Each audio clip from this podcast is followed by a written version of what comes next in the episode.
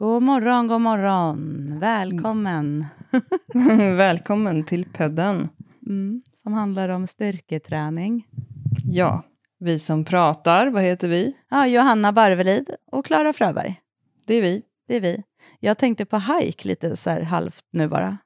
Ja, Hike, alltså det programmet. jag det vet. var ju, vad är det så att jag bara har en bild av det för att jag romantiserat hela den här tiden? Eller älskade alla hike? Eh, alltså när det gäller tv-program när vi var små så var det väl också att utbudet var väl inte jätte... Nej, det är korrekt. Jättebrett. Det var inte så brett sortiment av utbud på just den typen av... Nej, jag kan Nej. aldrig minnas att jag har gjort något av deras pyssel. Nej, men det har inte jag heller. För jag är ju också... Om man, alltså pyssel är ju något som aldrig sker hemma hos familjen Barvelid generellt. Idag ska vi lära oss hur man gör en t-shirt av en äggkartong. Exakt. Och jag hatar ju allting som är pyssel som kommer hem i vårt hem, för det första. Och därför så känner jag också att jag inte är en pysselmänniska själv. Men jag tyckte liksom att det fanns någonting härligt i det. Det var mysigt, det var det. Ja, liksom man gillade det där hajkiga på något sätt. Jag tror också att man gillade så här, det var liksom härlig stämning på något sätt. ja. Ja, ändå Du återanvändning och sånt av saker och material. Det känns ju ändå på något sätt inte, Ja. då kändes det väldigt liksom i den tiden. Idag vill man ju återanvända och så, men det var ganska framåt-tänkt då under den tiden.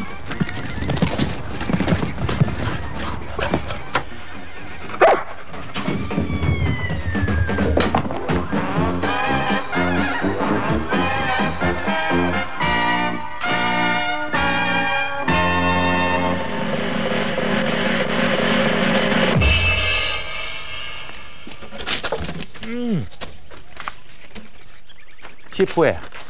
Idag ska vi ut och flyga, men passa så ni inte fastnar i träna. Ni ser, jag har redan varit uppe i en björk. Du får skicka dina barn på scouterna. De kör ju fortfarande på. Ja, men är det hajk? Ja, men de är Bygger t-shirtar av kartonger. Jag tänker, ja, men jag tänker att det är, om man har ett barn som är scout, då är man ändå lite så rustad inför det här med att man ska ha preppinglådor och sånt där. De kan bygga vindskydd, Ja. de kan göra knopar, de kan spåra, de, de kan eh, göra upp eld. Ja, men det är ju, alltså, det är, det är ju bra. härligt. Ja, men ja, precis. Men den typ... Var det inte lite Jo, men det så? kanske var alltså, det. det är ju det Ja, som det är är, hike. Men jag får ju för mig att de pysslade hela tiden lite. Men det är ju sant att det är sant. Sådana grejer tycker jag, men det tycker jag också om. Alltså att, så här, jag skulle också lära mig knopar och, och, och liksom sådana saker. Ehm, tända eld och bygga ett vindskydd och så vidare. Det är bra. Ja. Ja, det får bli vår nästa eh, workshopresa då, Bygga, ja. och boka in. Vildmarksresa. ja, men vi har faktiskt en eh, före detta kollega som pluggar det där vildmarkslära eller någonting nu. Så det kan vi gå Mm. kurs hos henne sen ute i fjället. Det blir bra. Det är modernt också. Du vet, man ska gå barfota i naturen varje dag för, att, för hormonerna och sånt där. Ja, jag har inte slutat dricka kaffe än tyvärr. Det blir ingen ordning på mina hormoner. Kommer bli så. Ja, men det... De bara rasar, dina hormoner rasar ja, Johanna. Gud, de, mina hormoner dansar salsa i min kropp. Nej, gud. Hormoner. Vi, ska inte, vi, går inte, vi öppnar inte ens den dörren. Vi hade försnack idag om hormoner, du och jag, Klara. Vi- Jag tror vi ska bara hålla den dörren stängd. Det finns så mycket känslor. ja, jag tror också eh, det. på innan och utanpå just nu känns det som. Så det skiter vi i. Nu går vi vidare i snacket.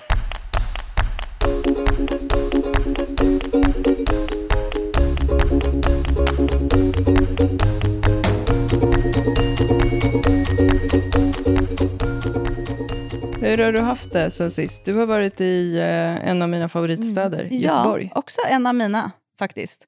Eh, tänkte jag många, många gånger när jag gick runt där. Jag eh, var i Göteborg och avslu... Det känns verkligen så här... eh, Jag kände lite att så här, sommaren fick ett vackert slut. Lite så. Jag stängde dörren till sommaren den helgen kan man säga. För jag var ju Mm. på Håkan, den finalkonserten på Gamla Ullevi.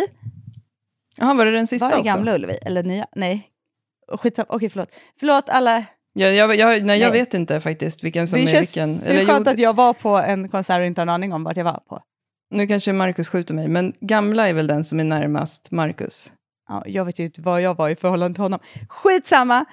Vi klipper inte bort det här. du har ju varit hemma hos honom. Vi klipper inte bort det här, utan det står vi för. Vi, det var Det är typ Ullevi. busshållplatsen in honom. Ullevi. Ja. Mm, Mm, där var Ullevi var jag på konsert. Det var final, precis. Det var den sista han hade. Och eh, jag eh, är som sagt inget så här jätte-Håkan-fan, utan det här var väl en grej som jag hoppade på för ett par barndomskompisar till mig, eh, som vi har hängt jättemycket när vi var yngre. De, en av de tjejerna var så här, men fasen ska vi inte bara gå allihopa så här, med våra respektive och så bara gör vi det som en kul grej. Vi ses i Göteborg och hänger och går på konsert. Jag bara, jag är på, Anton är på så här. Så det var jätteroligt. Så vi bokade det här innan pandemin. Och sen har det legat kvar mm. och så här, vi hade också vårt hotell bokat och har typ så här, skjutit upp det bara. Eh, så det var liksom så här, och nu kom den helgen. Och det var ju verkligen bokstavligen för typ så här sista sommarkvällen. För sen dagen efter så började det regna och sen har det typ varit kallt.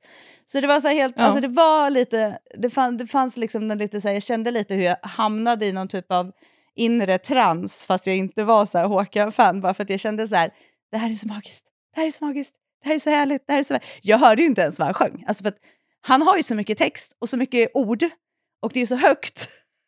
Så man, för, man alltså, om man gick längst bak på arenan, då kunde man typ höra bra vid toaletterna. Men där står man ju inte. Liksom. Så att, för det är ju så otroligt högt. Så att, och så har han ju så mycket budskap hela tiden. Men eh, så det var lite svårt att höra. Och jag kunde ju, jag bara varje låt, jag bara, är det här den här Lena? Typ så, så jag kan ju inte. så, så, så, kände jag så här, så stod jag typ och sjöng så här, när jag kunde då, kände ingen sorg för mig Göteborg, så kände jag mig så här, wow, jag är ett jäkla Håkan-fan. Det var härligt. Men det jag skulle komma till var att alltså hela setupen och hans backdrop och teknik alltså var helt sjukt. Det är så coolt för att allt är ju så jäkla välproducerat och han är ju en otroligt proffsig artist. Alltså inget är lämnat åt slumpen. Han hade ju liksom med sig då ett gäng gästartister. Bland annat så var ju Greta Thunberg och hennes gäng där och pratade. Alltså det var så coolt, helt, den produktionen också, hur de stod och pratade liksom, och fick fram sitt budskap och hur han är så här, ja, men så här, omfamnar det. Och han och Greta sjöng tillsammans, vilket också var så här coolt. Eh, och sen var det liksom, alltså Miriam Bryant var där och Victor Leksell, det var lite härligt. Men framför allt så är det så här, man bara älskar Håkan som person på något sätt. Han är ju helt så här galen och jag fattar inte hur han orkar. Jag vet inte vad han tar, men det är väl inte min ensak. Men så här, tre timmar. De andra artisterna som var där och gästade, de höll ju typ på att dö efter sin låt. Och han bara mm kör liksom. Nej, men det, och sen så var det ju bara hela den här grejen, liksom, sista konserten på, i Göteborg. Eh, och eh, det var ett jättefyrverkeri och det, det, det är jag egentligen emot, fyrverkerier. Men just i den stunden så var det så här, tack sommaren, typ. Och så var det härligt. Ja, vad gjorde ni efteråt då? Efteråt så gick vi, eh, då var, det var lite splittrat, det var ganska många människor som försvann ut från den här arenan.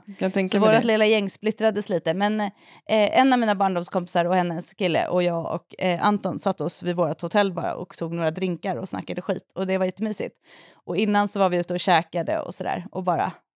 Så det var lite så här, ja det kändes faktiskt som att det var ett väldigt fint eh, avslut på sommaren på något sätt. Och jag kände lite att jag så här omfamnade våren med att få sätta på mig jeans och stickade tröjor. Typ. Att jag är så här, det vart krispigt. Eller hösten. Jag, vad sa jag? Våren?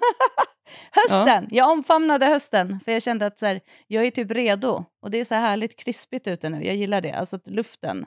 Att man kan andas mm. lite igen. Och Jag tror alltid att jag ska bli deprimerad av höst, men när hösten kommer så känner jag typ lite att det är faktiskt ganska härligt. Jag tycker också det. Jag gillar också höst. Du då? Har du fortsatt att bada eller? Nej, men jag badade sista dagen, det var den dagen jag badade också. Då badade jag med vår kompis Karin. Vi var och tränade lite mm. axlar. Mm. Ehm, och sen eh, gick vi och smygbadade på eh, nära det gymmet där jag kör en del. Och mm. du också. Så kan man smygbada vid eh, brofästet. Man får inte bada där egentligen. Det är hamnområde, mm. står det. Gud vad busigt. Mm, men de har ju byggt en solbrygga där. Uh, just det. Ja, just det precis nere vid brofästet. Med, och så är det stegar som går ner i vattnet och så finns det en hoppställ. Jag vet inte riktigt hur det är tänkt, men man, uh. ja, vi smet ner där i alla fall och tog sist. Sen har jag inte badat sen dess heller, för det är som du säger, det har verkligen slagit om helt. Eh, så det har inte, jag har inte varit sugen på det sen dess. Så nu kanske det är klart. Mm. Nu, med det så stängde vi sommaren. Ja, och, och gå vidare till och gymmet istället. Det känns härligt. Alltså, faktiskt helt fantastiskt att vara på gymmet när det inte är dödsvarmt. Ja, att alltså, verkligen. De senaste gångerna när jag var och tränade så var det verkligen så här, jag var gud vad jag blir påverkad av att träna när det är så här varmt. Alltså, jag tänker hela tiden så här, men jag, alltså jag klarar värme så bra. Men just det här på gymmet och den här sommaren, att ha varit så här, det har varit så varmt hela tiden. Och jag kan verkligen inte göra något vettigt och därför så tränar jag ju bara typ bodybuilding överkropp. för, det, för det är det som, inte, Ja. som är minst jobbigt. Marklyft i shorts är inte lika nej, härligt. nej, verkligen inte. ja, men härligt med höst och gym. Fasen vad härligt med gym alltså.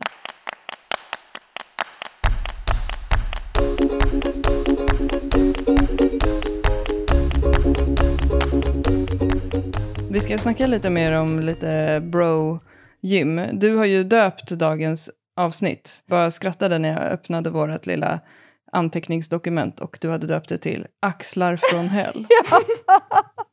Men det var härligt. Jag kände att här, vi behöver prata om något lite så här... "Åh!" Vettigt, typ estetik. Exakt, vi behöver fan prata om Mm. lite axlar. Jag tror att vi behöver lite mer biffiga jävla axlar helt enkelt i våra liv.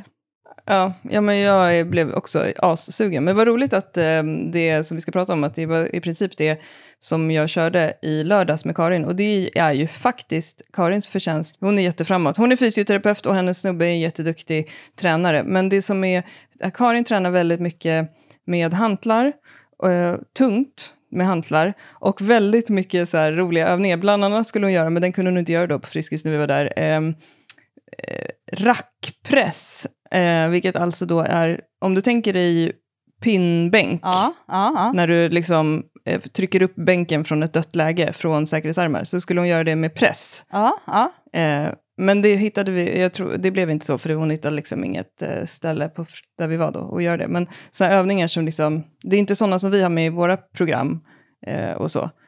Sn- sned press uppåt, ja men du vet lite här. Det var, så det var väldigt kul. Men vi, så vi körde lite bro där framför spegeln på Men det är slutet. också härligt, apropå det, att allt sånt där, sådana övningar som blir lite så extra, och man kanske inte måste göra det i sin liksom, i det vardagliga träningen för att man inte har så mycket tid och så vidare och då vill man fokusera på vissa saker. Men Mm. det finns också något härligt i att göra lite sånt ibland. Att så här, jag varit också så här, jag bara gud den här övningen, och så, så, alltså, för att det är lite härligt. Alltså, allt måste ju inte alltid vara heller så här, korrekt. Jag är nog väldigt mycket så nu att jag, bara, jag måste bara få göra lite skönt tills jag kommer in i någon typ av jag gör lite böj, jag gör lite mark, jag gör alla sådana saker som jag vet att jag innerst inne måste för att bli starkare där.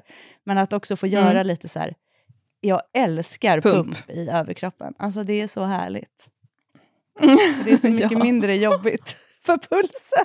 Vad, är, vad är det du älskar med det då? Ja, men jag, dels så älskar jag att gå från gymmet och att det bultar i överkroppen.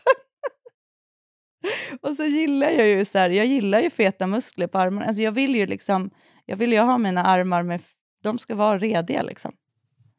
Ja. Går, ja, Ja. Det känns bra. Det är ju egentligen, det är bara fåfänga, eller fåfänga, men alltså det, det är härligt, jag gillar det. Jag tycker om att se biffig Ja. ut liksom. Vi har ju, tror att vi säkerligen har poddat om att få stora armar och sådär också. Och jag tänker att vill man ha generellt stora armar, och då brukar man ofta prata om till exempel biceps och så, då tycker jag man ska absolut inte missa de klassiska stora övningarna som bänkpress och till exempel skivstångsrodd. Därför att du, det är också, precis som du var inne på Johanna, bra att göra de här större övningarna där man får använda större del av kroppen och eh, jobba med flerledsövningar där man får ta i. Liksom. Men däremot när det kommer till axlar så är, axeln är ju liksom ganska en komplex, ska man säga, ställe på våran kropp. Och det som man kan tänka både är kul men också lite utmanande då är att man är ju inte lika stark ofta om man vill, eh, vad säger man på svenska, targeta höll jag på att säga. Om man vill liksom attackera axeln eh, specifikt. Då får man ju ofta ta övningar där man kanske inte kan lyfta lika mycket som man gör i en skivstångsrodd och sådär. Och då tänker jag att man får bestämma sig för att det är coolt som du säger. Ja, men och det som är härligt är ju också att, ja, men som med allting annat såklart, att gör man det lite återkommande så, så kommer man ju också känna som så här, jag har till exempel, nu ska jag säga, i generellt då, om vi ser till mina andra stora övningar så är jag svag i stående press till exempel. Och det är ju inte bara axeln, det är ju jättemycket mer. Men, men till exempel så har jag ju också nu när jag har gjort mycket mer hantelövningar för överkroppen och axlar då som en stor del, så har jag också märkt att helt plötsligt så kan jag ju pressa hantlar med väldigt mycket mer vikt än vad jag gjorde bara för några månader sedan innan jag liksom körde den här omgången. Så att det är också så här, just det här att se att ganska snabb utveckling också när man gör det är ju, blir ju härligt även om man inte har samma vikt. Eh, på. Men som sagt, som du sa, att alla de här stora övningarna kommer ju fortfarande oftast generera mer vikt som du lyfter än vad du kan göra med en hantel. Du kanske, det kan skilja ganska många kilon. Så det är ju ett bra sätt att få en belastning på stora delar av överkroppen, att jobba med tunga skivstångsövningar kanske först i sin träning, precis som vi gör egentligen när vi jobbar i alla våra program där vi först lägger fokus på knäböj eller marklyft och så vidare. Att man ändå lägger lite fokus på de tyngre övningarna så länge man har axlar som klarar det. Det kan ju vara så att för vissa personer så är det hantlar som funkar för att man får ont till exempel av de större övningarna. Eh, och då är det ju jättebra också, tänker jag, om det inte gör ont, att lägga extra kärlek på hantelövningar för att bygga upp styrkan runt axlar, skulderblad. Det är hela liksom det partiet. Men då måste jag också säga att om du säger att du älskar axelträning, eh, för när, om man tänker så här stora axlar, vad är det för någonting egentligen då? Och då tänker jag, när jag tänker på dig, eh, att din liksom go-to-muskel, som du har väldigt markerad och som är väldigt snyggt, det är ju eh, deltamuskulaturen på sidan av axeln. Alltså deltoideus. Och det är ju den muskeln som ja, helt enkelt är på utsidan av axeln, ner på överarmen. Och eh, det kan vi väl också bara komma fram till att vi är överens om nu, att när vi pratar om stora axlar så hjälper det ju till, om man vill se bred ut över axlarna, att träna eh, deltsen. Mm. Men sen är det ju så med all träning och med alla, när ens muskler växer, att vi det är ju jättemycket genetiskt hur musklerna ser ut. Alltså vi kan ju inte välja hur vi vill träna en muskel. Utan när jag tränar mina muskler ser de ut på ett visst sätt och när du tränar dina muskler ser de ut så ett, på ett visst sätt på dig. Så vi kan liksom inte välja att så här, nu vill jag att min delt ska bli så här. Utan vi Nej. tränar och musklerna växer och det är liksom baserat på alltså, hur, hur våra muskler, hur långa, hur långa vi är och allt, alltså genetik. Så att, eh, så att man är medveten om det, att så här, ja det är ju min liksom, go-to-muskel. Go det är din joy and Exakt, pride. och det får man leva med och där får man göra så. Sen har man andra muskler som inte är lika synliga. Liksom. Nej men så är det ju, så är det verkligen. Alltså vissa har lättare att få muskler som syns och vissa har inte det. Men, men det kan ju hjälpa om man får fokusera lite extra på den.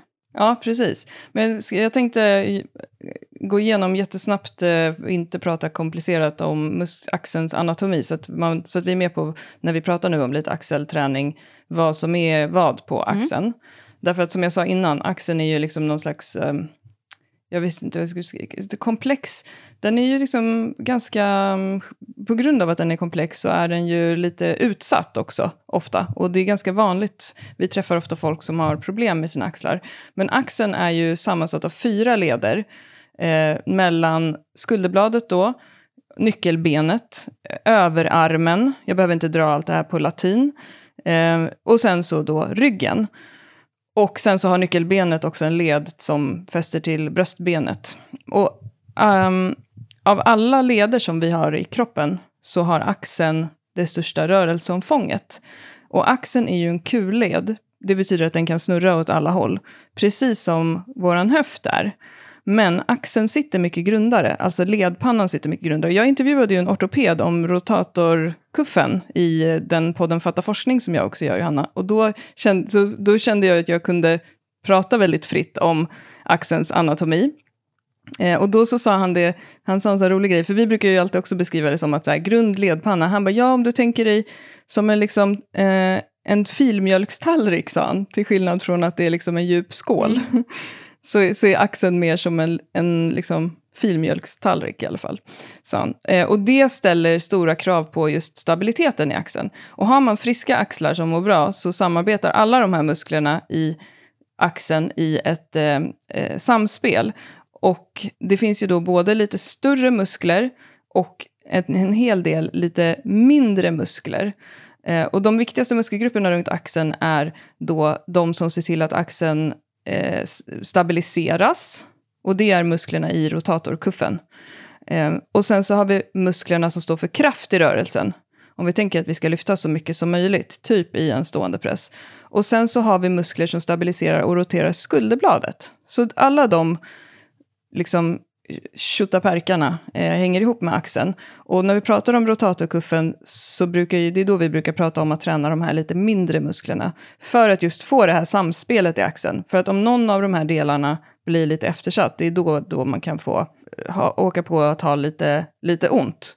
Eh, men sen eh, då så, nu pratade vi lite innan om deltamuskulaturen. Och som sagt, det är då utsidan av axeln från sidan sätt Som kan göra att det ser ut som att man har en lite större, större sån eh, yta. Men vet du vad förresten, i den här podden som jag spelade in med honom, den handlade om, specifikt om rotatorkuffsruptur. Eh, och det är när en av de här eh, eh, senorna i rotatorkuffen går av helt, alltså rycks av. Och det sker ofta genom ett trauma, berättade han. Alltså det är inte så här att man går och är sliten ett tag och sen helt plötsligt går den av. Utan det, han sa en vanlig grej är till exempel att man ramlar i skidbacken. Men en, en grej som kan vara lite intressant att veta är att eh, män har större risk för rotatorkuffruptur. Kvinnor har en lite lägre risk Ja. för det. Det var, ju ändå, det var ju ändå något positivt för kvinnokroppen. Verkligen. Alltså, Äntligen. jag kan inte riktigt släppa det här som du sa med filtallrik. Att man skulle, jämfört, för det är också intressant så här att Hur Nej, man äter jag kan fil. verkligen relatera, för när man var yngre, ja, då åt man, ju- man åt Mm. fil i så här, ja men som en, Jag tänker skolmaten, Djup- när man fick fil och ja, cornflakes. i en så här djup tallrik som inte är så jättedjup tallrik. Medans, men precis. idag, vi äter ju, hemma i alla fall hos oss, så äter vi väldigt sällan ur en, nu gör jag inom situationstecken, djup tallrik. Vi äter ju i skålar, Mm. eller de är mycket djupare. Ja, Och det är ju så här precis. alltså, och det är höften. Ja, men det är ändå roligt. Så höften sitter ju mycket mer skyddad. Ja, men jag tror det är ganska bra. Jag tror, tycker att det är, om, om man vill satsa till exempel på, nu ska vi inte prata om det, men på att bli skitstark i Ja. bänk. Så är det ändå bra om man har med sig det här tänket. Vi brukar prata om när man ska träna rumpan, att här, träna rumpan i tre riktningar, i tre rörelseriktningar, så får du med hela rumpan. Men att just också för att en axel ska fungera eh, optimalt, så behöver du eh, ha med dig alla de här momenten då. Alltså både stabilitet och kraft. Och även rotation och kontroll av, av eh, skulderbladet. Och därför så är det, är det ändå, kan vara positivt att träna de här små musklerna. Och vet du, jag frågade också den forskaren, och eftersom att han var en forskare så kunde han ju inte säga så här, eh, så här är det eller så här är det inte, för det, gör, det är liksom hela grejen med forskning. Men jag frågade honom om det här med prehab, för det är ju en sån här grej, prehab för axeln. Är det värt att göra övningar som kan vara förebyggande för skada? De övningar som vi får när, av en fysioterapeut när vi har skadat axeln till exempel, kan ju vara såna här små utåtrotationer och olika dragövningar, isärdrag för baksidan och sådär. Och då sa jag det att vi lägger ofta in det eh, i våra träningsprogram som uppvärmning och så vidare och kallar det för prehab. Eh, men sen finns också en massa människor som menar att prehab funkar inte.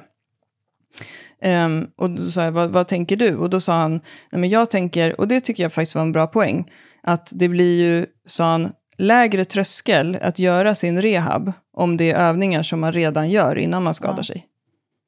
Det är ju faktiskt en bra Mm. poäng. Men om de, om de övningarna tränar en muskel så måste det ju fortfarande vara så att även om det är en liten muskel eller små delar så måste det fortfarande vara så att med gummibandet så tränar vi dem.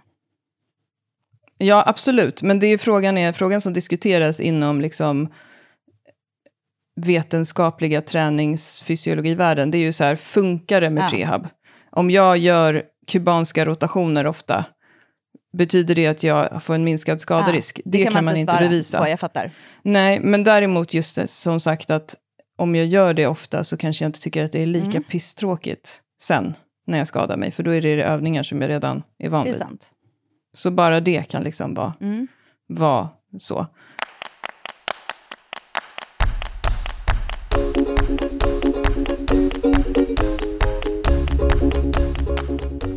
Men du, kan inte du, eh, alltså eftersom du är eh, deltoideus-monstret, kan, kan du inte bjuda på några favoritövningar Ja. då? Jag gör det och så lägger vi ut det som ett litet program och så kan man köra det. Okej, men då börjar vi då. Då är det ju så att eh, eftersom vi alltid lägger uppvärmning så uppvärmningen kommer ligga som en egen liten, men det tar vi sen. För det kommer som en liten verktygslåda på slutet. Glöm inte kärleken till, till de små musklerna. Så vi börjar här då. Okej, då i det här programmet som jag då presenterar så ska vi ju självklart ha en lite tyngre övning då som, som kanske då stimulerar både hypertrofi och styrka. Eh, utifrån lite kanske tänket kring bodybuilding. Eh, då är, eh, kör man då stående press. Det är en ändå härlig övning. Föreslår jag ungefär fem, till sex, fem, eh, fem set med sex repetitioner i varje set. Eh, så får man vila lite emellan där. Så får man fokusera på lite styrka då, så man orkar. Så det blir lite härligt. Sen efter det har vi några favoriter. Och då kan man ju köra så här. Jag brukar säga så här mellan 8 och 12-ish repetitioner. 3 till 4 set, alltså 3 till 4 varv per övning. Och det, är Mm. så här, det får man väl känna lite med tid och smak och tycke och så. Och lite så här, jag tycker också att det blir svårt att säga så här 10, för att eh, det är ju faktiskt så att ibland när man tar en hantel så går det att göra 8. Liksom. Men jag tycker någonstans mellan det spannet kan man ligga då. Eh, och då är det en här som är liksom eh, lite ny, ny övning som jag inte har gjort så mycket. Men jag tycker att den är lite härlig, så jag tar med den. Och då är det sittande press med hantlar och att man, press, man, eh, man pressar som ett Y egentligen, alltså ut och upp. Inte, Inte rakt, rakt upp. Inte rakt upp Så alltså. det blir lite, om man tänker sig samma sak som att man pressar med en stång bakom huvudet. Men hantlarna, Mhm. eh, hantlarna blir eh, istället... Eh, eh, för man sitter nämligen på en bänk som är åt andra, fel håll, så man kan luta fram bröstet lite mot eh, en upprest bänk. Vi filmar den här och visar. Eh, så det, Mm. kan vara, det är lite härligt, och, men den blir inte lika eh, påfrestande som om du har en skivstång ju, eftersom hantlarna kan du ändå reglera lite. Ja, Mm. så det är en. Och sen nästa favoritövning. Hantellyft åt sidorna. Och den här övningen gör jag i varje pass. Jag älskar den. Och Jag gjorde ja, den i lördags. den är helt magisk. Men den är lite, man måste tänka lite på det för egots skull. Att man behöver inte göra, här kanske man kan göra någon extra repetition om man vill, en 12, lite fler än 12 om man vill. Man behöver inte belasta den för tungt, för oftast när vi belastar den för tungt, då blir det att vi står och rycker och vi använder liksom inte, vi vill verkligen jobba här med deltsen ju. Så inga, inga ryck här, utan hellre lättare. En annan rekommendation är ju att du behöver inte gå upp med armen högre än eh, axelns Nej, höjd. precis. Du behöver alltså inte flaxa hela vägen upp till huvudet eller någonting, utan att det räcker att du har armen rakt ut horisontellt. Eller till och med lite nedanför. Ja, precis. Men just att du står upprätt, rakt upprätt, ingen framåtlut eller något, utan bara upprätt, en lättare vikt som du hellre gör lite fler repetitioner. Eh, Flaxa och, på. Ja, eller inte, ja, lyfta armen så här, kontrollerat, en Mm. lite kontroll över den. Men som du säger, den är ju nästan så här, hur kan det vara så Ja. tungt? Hur kan jag behöva ha så här lätta hantlar? Ja, och som sagt, lite så här för egot som vi pratade om, men då kan man ju få känna att man får trycka på lite på de andra. Och sen eh, nästa, hantellyft framåt. Det är lite samma med den. Alltså vi lyfter armarna framåt. Där är det också så här, vi kommer inte kunna belasta så tungt. Eh, Mm. Så den är också, ta det lugnt. Och också i de här övningarna, för det var ju som du berättat, det här med alltså att, att det fäster i skulderna och sånt. Att tänka att sänka liksom axlarna och ner med skuldrarna så att du inte står liksom och lyfter upp axlarna vid öronen, utan kontrollerat Mm. fint. Och sen, Så att eh, hantellyft framåt tränar mer framsidan på axeln och hantellyft åt sidan Mm. tränar mer Precis. sidan på axeln. och sen så har vi en liten avslutande övning, framåtlutande hantellyft. Och då blir ju det lite per automatik lite mer baksidan. Precis, då ändrar vi belastningsriktningen för att vi flyttar kroppens Så då, fly- då lutar vi oss lite framåt och så lyfter vi. Och det är samma sak där, inte speciellt tungt. Det ska liksom inte vara att vi står och får... Ibland, ibland gör jag så. Ibland går jag emot det här lite när jag tränar själv. Då typ vill jag stå... Busig du ser ja, jag vet, nu. Då står jag liksom och så bara står jag så här... "Åh, åh", och så kastar jag upp armarna lite och så här. Men, och det är lite härligt ibland också.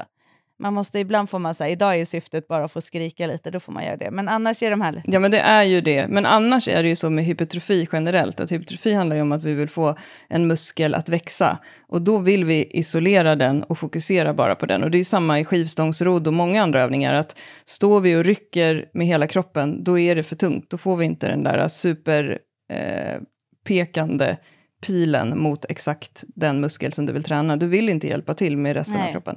Så det är liksom isolerad träning på det sättet. Som vi vill komma åt. Ja, om man inte bara känner att man, som du sa, vill känna sig lite cool ibland och stå och stöna lite, då kan man få flaxa runt lite. Ja, då är det syftet att bara få gå därifrån och känna sig lite så här... "Åh." Men, eh, ja, men det där är lite härligt. Så där har vi ett litet pass eh, som vi lägger ut. Vi lägger ut det i Ja. text såklart, så att, för det är alltid så svårt att hänga verkligen. med på och ljud. vi kan komma med lite filmer också. Mm. Det blir härligt. Ja, men så lite underbar träning för deltsen så att säga. Chipway. Idag ska vi ut och flyga. Men du var ju inne på det här med att värma upp axlarna också. Och det är vi alltid noga med, som sagt, i våra bänkprogram och så också. Att vi värmer upp så att man inte går på och bara går in och lägger på 60 kilo på stången och sen börjar, börjar bänka. Jag tror inte det är någon som gör ja, det. Men att ändå. man får liksom, man, och där är det ju det här, det som vi nu pratar om, prehab, prehabs eh, vara eller icke vara, eller rättare sagt, om det fyller ett syfte. Men syftet i det här då är ju att vi ändå sätter igång på något sätt. Vi jobbar med de här musklerna som vi ändå sen ska använda i de tyngre övningarna. Så att man åtminstone i alla fall inte går från att ha suttit kanske en hel dag vid datorn och så ska man göra tunga pressar över huvudet. Eh, utan att man åtminstone kan få känna att så här, åh, här blev det lite skönt. Att de blev lite varma, de blev lite goda. Jag kan känna att så här, jag måste verkligen komma igång med mina muskler. Jag tänker, man får också tänka att syftet är ju alltså dels att få jobba med ledrörelse i axeln. Det är en del i uppvärmningen. Men också lite stabiliteten kring till exempel skulderbladen. Alltså att, att det, är ju, det är ju det som också bidrar till hela axelhälsan, som vi var inne på innan. Ja men verkligen. Vi nämnde inte det för att vi gick inte in på så här superdetaljerat kring axeln. Men i axeln eh, så finns det också en slemsäck. Eh, som heter, så jag vet ju aldrig hur man uttalar det rätt, Just det, eller bursam. om jag. Ja, precis. Och det är den som kan bli lite torr och liksom, eh, den ligger under skulderbladsutskottet och liksom inklämd. Och det är det här som många brukar uppfatta som då att, man, att det klämmer och trycker och gör ont i axeln. Så man behöver liksom smörja den ibland och det kan man göra med då de här lite mindre övningarna. Mm, alltså vad härligt. Ska vi dra några små övningar då, som till våran lilla Ja, men vilka är dina Mm. favoriter? Då gör jag ofta, som jag gillar, det är faktiskt Cuban rotation. Och eh, vi, jag tänker att vi kan liksom eh, lägga ut de här övningarna. Men det är att man står med armen ut åt sidan och eh, armbågsleden är 90 grader. Och sen så jobbar man Mm. med en eh, pinne ovanför huvudet. Så står man, mot, man kan stå mot en vägg. Jag brukar göra det för att liksom ställa mig mot väggen. Och sen roterar jag helt enkelt eh, händerna framåt, i, men behåller 90 grader, 90 grader i axelled. Nej, i armbågsled! Jag behåller 90 grader i armbågsleden. Och så jobbar jag med rotationer framåt. Mm. Och den här övningen tränar, liksom ökar styrkan i utåtrotation i Mm. Så det är en övning. Och sen så, där jag står med armarna u- ut efter kroppen och så har jag också 90 grader i armbågsleden. Och så har jag ett gummiband framför kroppen som jag håller i händerna och så jobbar jag med att låsa armarna ut efter kroppen och sen göra rotationer utåt, i axeln, alltså utåtrotation i axeln. Mm. Det här är ju en övning som är ganska värdelös att göra med hantel, Mm. som man ofta kan se folk göra på gymmet. Och det handlar om belastningsriktningen. Varifrån drar vikten? Var, vill den, var kommer den falla om du tappar den? Jo, neråt. Men i den här övningen som du beskriver, så eh, om du har ett gummiband så tränar du den liksom horisontellt. Och det är, Det är det som är syftet. Bättre. Det är syftet. ja, Ja. Så det, och sen så har vi, eh, eh, alltså, eh, jag, jag, det står alltid så här skapula push-ups, men egentligen är det ju skulderbladsarmhävning typ kan man ju säga. Och det, eller armhävning med protraktion, ja, låter, om man ska vara ja, nördig. det kan man också säga. Men det är egentligen att man står som i en armhävningsposition i startpositionen och sen istället för att böja armarna så tänker man att det är skulderbladen som ska förflytta sig. Så man liksom, och det är så svårt att förklara. Man skjuter rygg, Ja, kan man säga. Skjuter upp ryggen Uppåt. och så kniper åt ner så att man sjunker ner emellan skulderbladen. Lite som eh, yogaövningen katt och ko, Mm. fast man står i en eh, armhävningsposition. Vet du, vi har filmat den ganska nyligen, kommer du ihåg det på Friskis, med ett gummiband över axlarna. Det är, det är, Det, är jätte, det är en jätteskön övning, för då känner man också verkligen att man trycker ut gummibandet över ryggen i toppläget. Och sen så tycker jag ju också att det är ganska så skönt och det kan vara bra för att lägga in någon typ av rodd i eh, en gummibandsrodd egentligen är tillräckligt, alltså just att jobba lite också med skulderbladen. Men det ska Mm. ju inte vara en tung rodd då, utan det ska vara en rodd som just också som värmer upp. Så det kan man göra till exempel med rep i kabelmaskin, man kan göra det med gummiband. Alltså, den behöver inte vara så avancerad. Jag tänker också att det som är lite viktigt med de här uppvärmningsövningarna, eller då som vi kallar för prehab, det är ju att det är lite enkelt. Det ska inte ta massor med tid, det ska inte vara att du behöver springa runt på gymmet. Jag gillar ju, nej, tungt. jag gillar ju att ta en, så här, en pinne och ett gummiband och så kör jag två till tre varv. Bara, dup, dup, dup. Det tar typ fem minuter. Och sen så är man igång. Och sen värmer man ju givetvis upp då med skivstången upp till den vikten man ska börja jobba på. Men just det här Mm. att liksom få bränna av några sådana övningar och känna att så här, ja men fasen vad skönt, jag är liksom, det här stillasittande från datorn idag, det är liksom lite väck, nu är jag ändå igång. Så det, för mig är det mycket det syftet och det är ju det som är för våra kunder också, att liksom jobba med de här små övningarna eh, utan att det blir tråkigt eller liksom att det blir att man inte gör dem. Får jag slänga in en bubblare som eh, jag har kört en del i sommar, eh, som är då lite tyngre, alla kanske inte kan göra den, men som jag också tycker är jättebra för just det här med att knipa ihop skulderbladen, retraktion och trycka isär dem, protraktion, men också få jobba ordentligt med axlarna. Det är ju att hänga i räcke. Mm.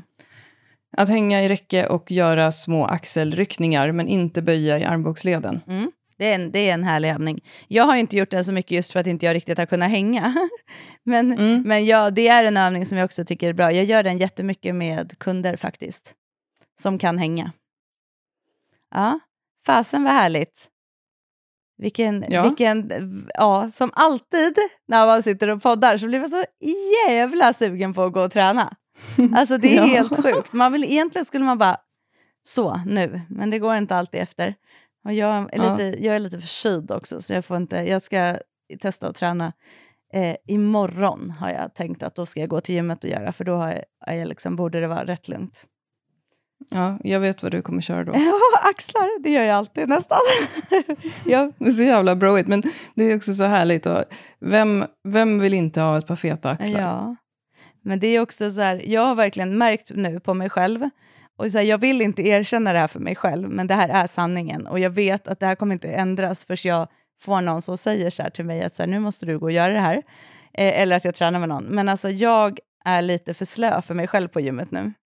Det är för att jag har inte, och det här är ju verkligen, alltså det är ju något som man måste eh, jobba upp igen. Det är ju så här mentalt. Jag har ju inte, alltså under alla år jag har tränat så har jag ju oftast tränat väldigt tufft och det har varit, även om det inte är konditionstufft, så är det ju tunga lyft, det är mycket Prestationsinriktat. prestationsinriktat så. Så har inte jag gjort det på ett tag nu. Och nu har jag ju dessutom jobbat då med eh, rehab från operationen, vilket har gjort att jag heller inte tränat så tungt och det ska inte vara så tungt. Och det ska fortfarande vara liksom en bra höjning. Men, men den här gränsen har nu också, jag känner lite själv att det är så här, nej nu blev det lite jobbigt. Så, då har jag gjort klart böjen, nu så ska jag göra lite axlar, typ så.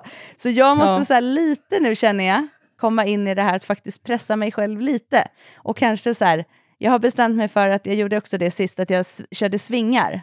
Att lite så här, Mm. okej nu kör jag några minuter, så lägger jag in några övningar, inte så många minuter, och så bara får jag köra lite, så jag får lite puls och också komma in i lite så här, det får vara lite jobbigt på ett annat sätt. Och det är faktiskt mentalt tufft när man inte har gjort det på länge. Alltså det blir lite lätt att bli Ja, jag bekväm. håller verkligen med. Jag är i lite samma läge eftersom jag har sprungit i sommar Ja. mest. Att det, är- det är tungt på gymmet Ja. nu.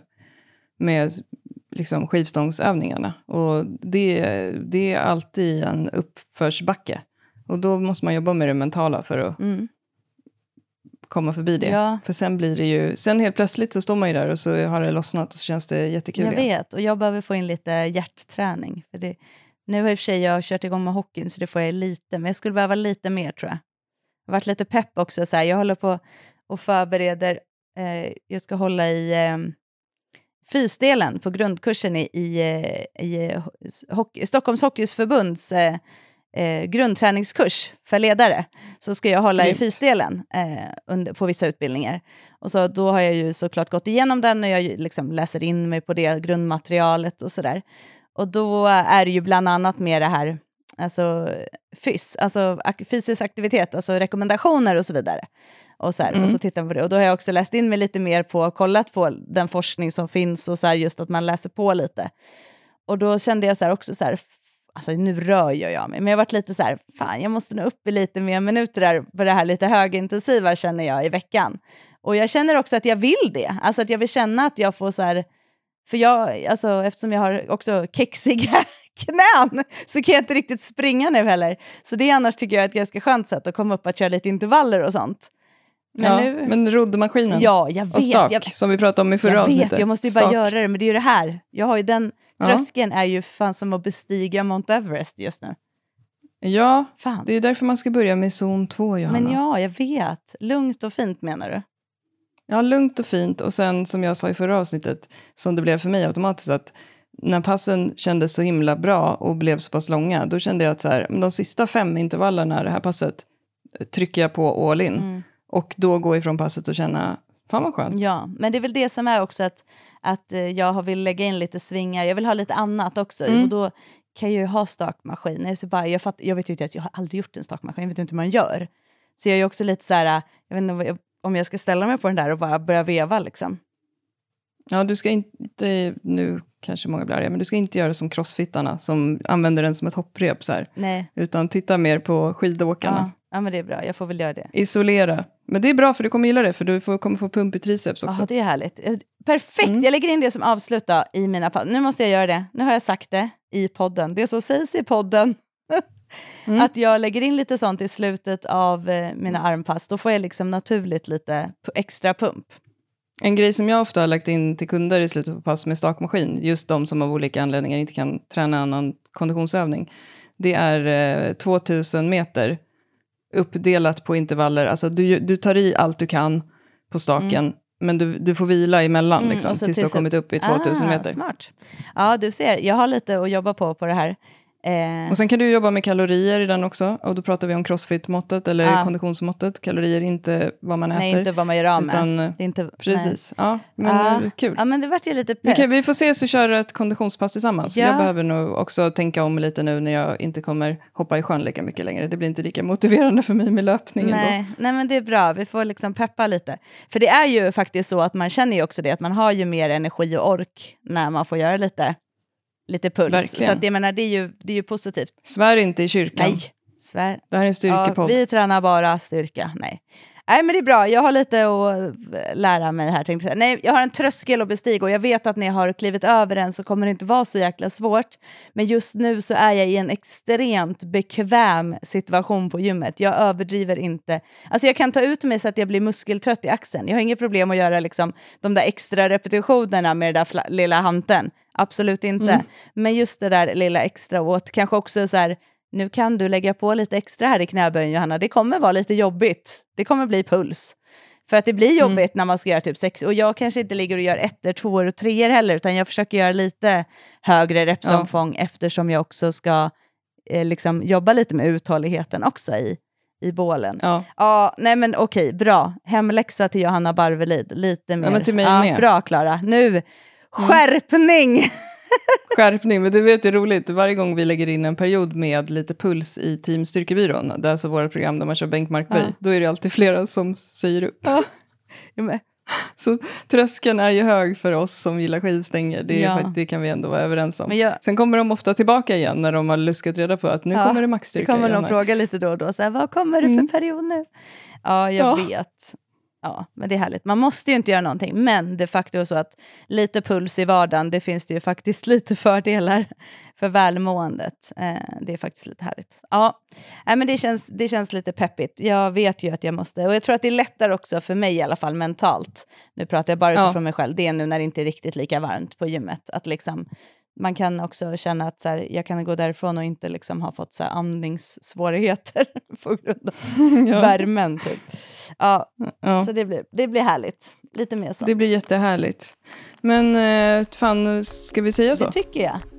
Förlåt att jag svor. Nej, inte svära tänkte jag säga. Det är ingen fara. Vi gör det tycker jag och så laddar vi om och så kommer vi tillbaka nästa vecka och återkopplar våra härliga pulsavslutningar på våra pass.